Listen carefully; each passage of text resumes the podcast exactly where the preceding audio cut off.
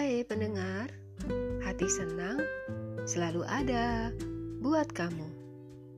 Baik versus terbaik. Hidup kita pasti memiliki prioritas. Namun tidak semua prioritas bersifat buruk. Mengasihi sesama, menghormati Tuhan, menjaga kesehatan dan menghargai kehidupan adalah prioritas-prioritas yang terbaik yang kita anggap penting. Nah, menariknya, terkadang prioritas yang kita anggap baik ternyata merupakan musuh bagi prioritas yang terpenting. Kenapa ya? Kalimat pertama dalam buku Good to Great yang ditulis oleh Jim Collins mengatakan bahwa baik adalah musuh dari hebat. Wow, sebagai seorang yang mencoba setia dengan menulis, saya terkadang terjebak dalam pemikiran bahwa menulis itu kurang berfaedah.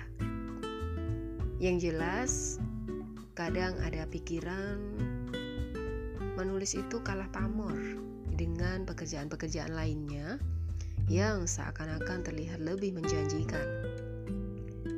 Ada kalanya saya mengiyakan dan mungkin itu benar.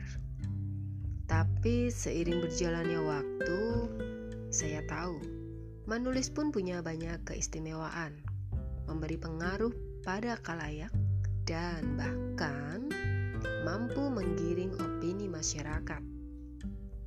Bisa jadi ketika saya memilih pekerjaan yang lain, saya malah akan menjauhkan diri dari prioritas yang Sesungguhnya, yang paling penting, yang membutuhkan fokus dan perhatian penuh saya. Hmm, aneh kan? Masa melakukan hal-hal baik dapat menjauhkan kita dari hal-hal yang terpenting? Menjauhkan kita dari sang pembuat kehidupan? Hmm, um, bisa juga sih. Baik menurut kita belum tentu benar dalam pandangannya. Saya belajar bahwa hal-hal baik pun tidaklah selalu baik.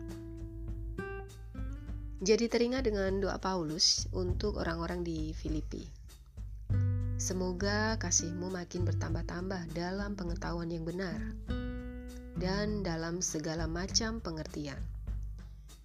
Sehingga kamu dapat memilih apa yang baik supaya kamu suci dan tak bercacat menjelang hari Tuhan. Sangat jelas bahwa Tuhan pun menginginkan kita untuk dapat membedakan bukan apa yang baik, tetapi yang terbaik. Lalu, melakukannya dengan sungguh-sungguh, sepenuh hati. Mudah memang melakukan hal-hal yang baik, namun hampir selalu sulit untuk memilih melakukan yang terbaik dalam hidup kita.